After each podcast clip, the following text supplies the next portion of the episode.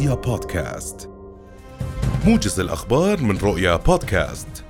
أصدر رئيس الوزراء الدكتور بشر الخصاونة تعميما ينص على اعتبار جميع القرارات التي صدرت تنفيذا لأوامر الدفاع ملغى حكما.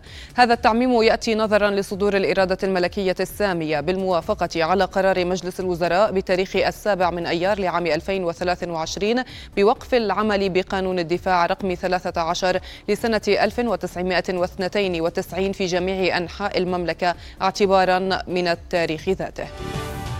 تفقد رئيس الوزراء الدكتور بشر الخصاونة سير امتحانات الثانوية العامة التوجيهي في قاعتين للذكور والإناث في محافظة المفرق. الخصاونة أكد أهمية مرحلة الثانوية العامة كمسار موجه لمستقبل الطلبة والطالبات الأكاديمي والعملي وحرص الحكومة على تطويرها بما يتناسب مع أهميتها ويلبي الطموحات ومتطلبات التحديث. هذا وتقدم لامتحان مبحث اللغة الإنجليزية اليوم أكثر من 1052 ألف طالب وطالبة من الفروع كافة. تواصل اللجنة القانونية النيابية اليوم مناقشة مشروع قانون الجرائم الإلكترونية لسنة 2023 إضافة إلى مشروع قانون معدل لقانون تشكيل المحاكم الشرعية لعام 2023 اللجنة بدأت أمس مناقشة مشروع القانون بعد إحالته من مجلس النواب. وقال رئيس اللجنة القانونية النيابية دكتور غازي الذنبات إن اللجنة ستعقد حوارات وطنية شاملة مع المعنيين والنقابات ومؤسسات المجتمع المدني بغية الخروج بقانون يلبي الطموحات ويضمن حرية التعبير. قال مدير عام دائرة الأراضي والمساحة أحمد العموش إن لدى الدائرة عشرين خدمة إلكترونية المفعل منها أربع خدمات وهي الأكثر استخداما من قبل المواطنين. وأوضح العموش أن الخدمات الإلكترونية المفعلة حتى الآن هي إصدار مخطط أراضي وسند تسجيل وكشف الأملاك وكشف عدم وجود أملاك ومبينا أن 60% من مراجعي دائرة الأراضي يستخدمون هذه الخدمات.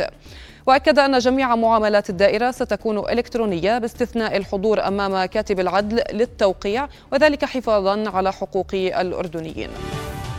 اقترحت شركة الكهرباء الوطنية عطاء إنشاء مركز مركز مراقبة وتحكم جديد بهدف تعزيز إدارة النظام الكهربائي وتعزيز الكفاءة في التشغيل والصيانة في إطار جهود الشركة لتطوير البنية التحتية الكهربائية وتحسين خدماتها للمستهلكين. مدير عام الشركة المهندس أمجد الرواشدي قال في تصريح صحفي اليوم إن المركز الجديد يأتي لتوفير أحدث البرامج لمواكبة التطور الكبير على النظام الكهربائي الأردني والتوسع الحاصل الحاصل في محطات التحويل وشبكات النقل. وقع ولي العهد السعودي الأمير محمد بن سلمان والرئيس التركي رجب طيب أردوغان اتفاقيات تعاون في مجالات استثمارية ودفاعية أبرزها شراء المملكة طائرات مسيرة تركية في أعقاب مباحثات رسمية أجراها يوم أمس في مدينة جدة. وبحث الزعيمان مستجدات الأوضاع الإقليمية والدولية والجهود المبذولة تجاهها. وهذه هي الزيارة الثانية لأردوغان للسعودية منذ المصالحة بين البلدين في نيسان إبريل لعام 2022 إثر قضية مقتل الصحفي جمال خاشقجي في قنصلية بلاده في اسطنبول عام 2018 والتي أحدثت شرخا بين البلدين.